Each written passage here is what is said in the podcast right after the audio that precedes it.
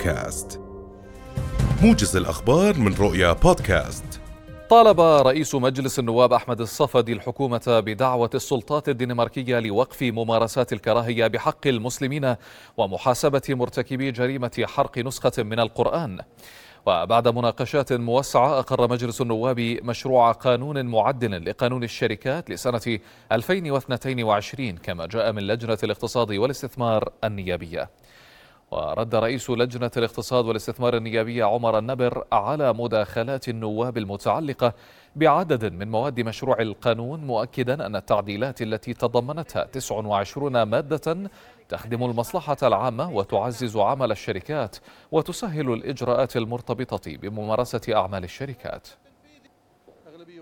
حفاظا على حقوق الشركاء لا بد من وضع نص جديد يحدد نوع الشركة بالمادة السابعة أو أن نستثني من النص الشركة ذات المساهمة العامة التي لا يقل رأس مالها عن 10 مليون دينار للمحافظة على حقوق الشركاء وحتى لا يتغول الدائن على الشركاء أنا مع العودة لمشروع القانون لأنه آه، مثل ما حكينا يجب النظر بنفس القانون وما بصير أحول أنا النظر آه، بأي آه، ديون أخرى للقانون الآخر اللي هو قانون الإعسار. تعديل اللجنة في مكانه وأعطت حق للدائن الذي لديه أموال في ذمة الشركة من تقديم هذا الطلب المستعجل. لذا أنا مع قرار اللجنة. مواد قانون الإعسار تتضمن تصنيفات للديون.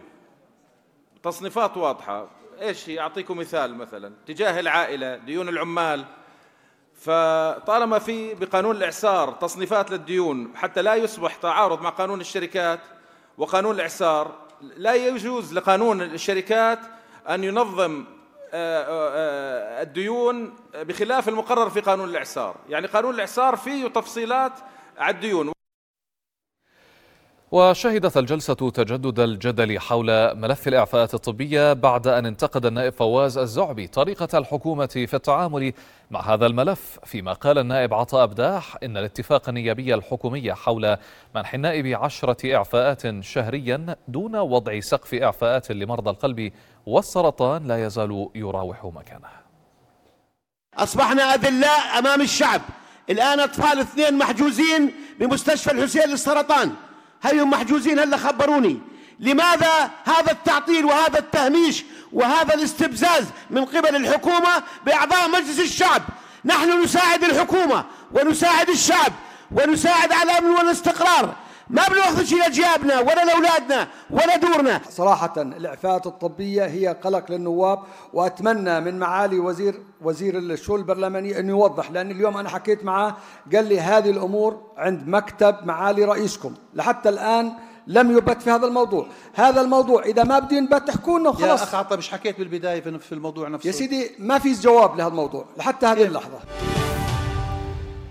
أكد وزير الزراعة المهندس خالد حنفات في دمشق أن الأخطار الناتجة عن تحديات التغير المناخي وأزمة كوفيد-19 والحرب الروسية الأوكرانية وتداعياتها على الأمن الغذائي تهدد جميع الدول العربية. وأكد حنفات خلال الاجتماع الرابع لوزراء زراعة الأردن والعراق ولبنان وسوريا على العلاقات الراسخة بين الدول الشقيقة. من جانبه قال وزير الزراعة السوري المهندس محمد قطنة إن الاجتماع يتوج أو يتوج الجهود السابقة بتوقيع مذكرة تفاهم للتعاون في المجال الزراعي باعتبارها بداية نحو مستقبل أفضل للدول العربية الشقيقة. تعلمون بأن الأخطار تتهددنا جميعا واحدة وهي ناتجة عن تحديات التغير المناخي والأوضاع التي ترتبت على أزمة كوفيد 19 وكذلك الأزمات الناتجة عن الحرب الروسية الأوكرانية وجميع الأزمات أثرت بشكل مباشر على الأمن الغذائي في بلداننا وكذلك على سبل العيش للمواطنين. وتأتي اجتماعاتنا هذه لتنسيق الجهود بيننا لتقليل أثر هذه التحديات على الأمن الغذائي وتمكين المزارعين ومؤسسات الأعمال الزراعية من الاستمرار في عملها واستمرار عجلة الاقتصاد لتحقيق النمو الاقتصادي. في رابع أيام الشهر الفضيل شكى مواطنون من إربد ارتفاع أسعار بعض أصناف الخضروات بشكل ملحوظ بينما رصدت كاميرا رؤيا تفاوتا في الأسعار. وطالب متسوقون وزارة الصناعة والتجارة والتموين والجهات المعنية بتكثيف جولات رقابية في الأسواق لوقف ما وصفوه بالتلاعب في الأسعار.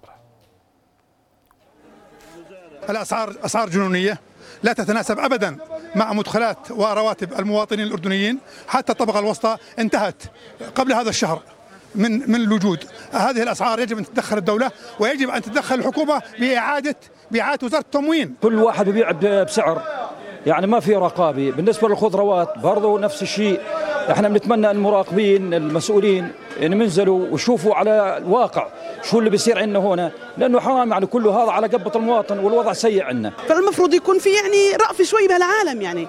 في يعني مثل ما تفضل الدكتور يعني مولات إحنا ما بنروح مولات ولا بنفوت مولات لأنه بصراحة صعب نيجي على حسبك كل يوم مرة مرتين لحتى نكون يعني ها الأمور يعني نقدر نشتري شيء لأولادنا. والى الشأن الفلسطيني حيث أعلنت سلطات الاحتلال بلدة حوارة جنوب نابلس منطقة عسكرية مغلقة عقب إصابة جنديين في عملية إطلاق نار وقعت مساء أمس وتبنتها كتائب أبو علي مصطفى الجناح العسكري للجبهه الشعبية. في القدس المحتلة اقتحم عشرات المستوطنين صباح اليوم المسجد الأقصى المبارك من جهة باب المغاربة بحراسة مشددة من شرطة الاحتلال الإسرائيلي التي أفرغت ساحات الحرم من المصلين والمعتكفين لتأمين اقتحامات المستوطنين في ساعات مبكرة. وشددت قوات الاحتلال من إجراءاتها العسكرية في القدس القديمة وعند بوابات المسجد الأقصى. كما احتجزت القوات قبيل صلاة التراويح الليلة الماضية هويات الشبان الذين يدخلون الحرم القدسي لإجبارهم على الخروج منه عقب صلاة التراويح. وإلى لبنان حيث أثار قرار رئيس حكومة تصريف الأعمال نجيب ميقاتي تأجيل العمل بالتوقيت الصيفي إلى ما بعد شهر رمضان المبارك جدلا واسعا في بلد يشهد انقسامات عمودية وأفقية. وهكذا انقسم اللبنانيون بين توقيتين في سابقة محلية وعلى مستوى العالم داخل الدولة الواحدة. فبينما أعلنت مؤسسات عدة على رأسها البطريركية المارونية عدم التزامها به أكد أشخاص من التيار الوطني الحر وحزب القوات اللبنانية اعتراضهم على القرار. من جانبه دعا رئيس حزب القوات اللبنانية سمير جعجع إلى التراجع عن قرار تأجيل التوقيت الصيفي.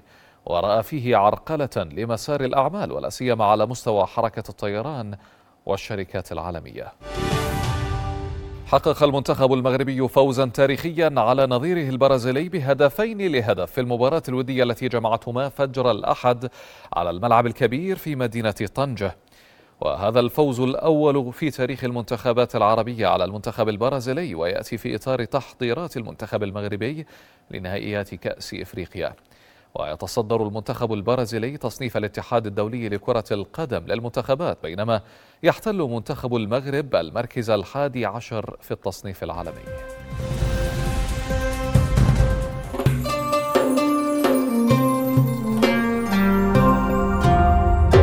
رؤيا بودكاست.